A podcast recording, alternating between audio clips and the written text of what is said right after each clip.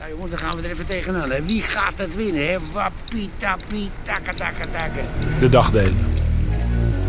In deze vierdelige podcastserie wordt u Vlieland beschreven door de ogen van een dertiental schrijvers en muzikanten.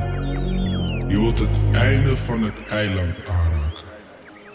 Een week lang werkten ze samen op verschillende locaties op het eiland met als vertrekpunt de Vlielandse nacht, ochtend, middag en avond. Het is nacht.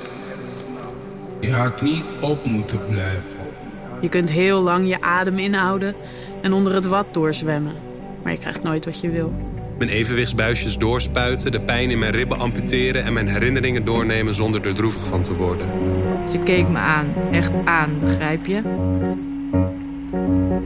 Denk je dat we elkaar snappen? vroeg ze. Ik, ik snap het niet. Je luistert naar een podcast. Vast niet wat ik bedoel. Wij zijn allen verslaafden. Er is een vreemdeling in het dorp.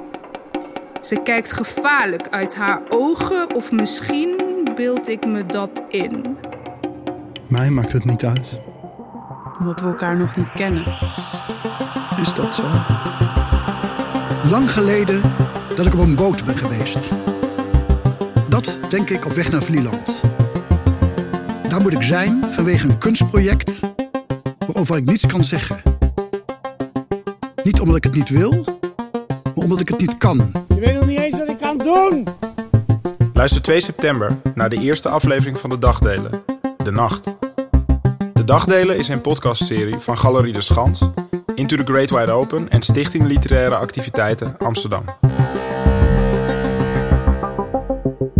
Don't hesitate.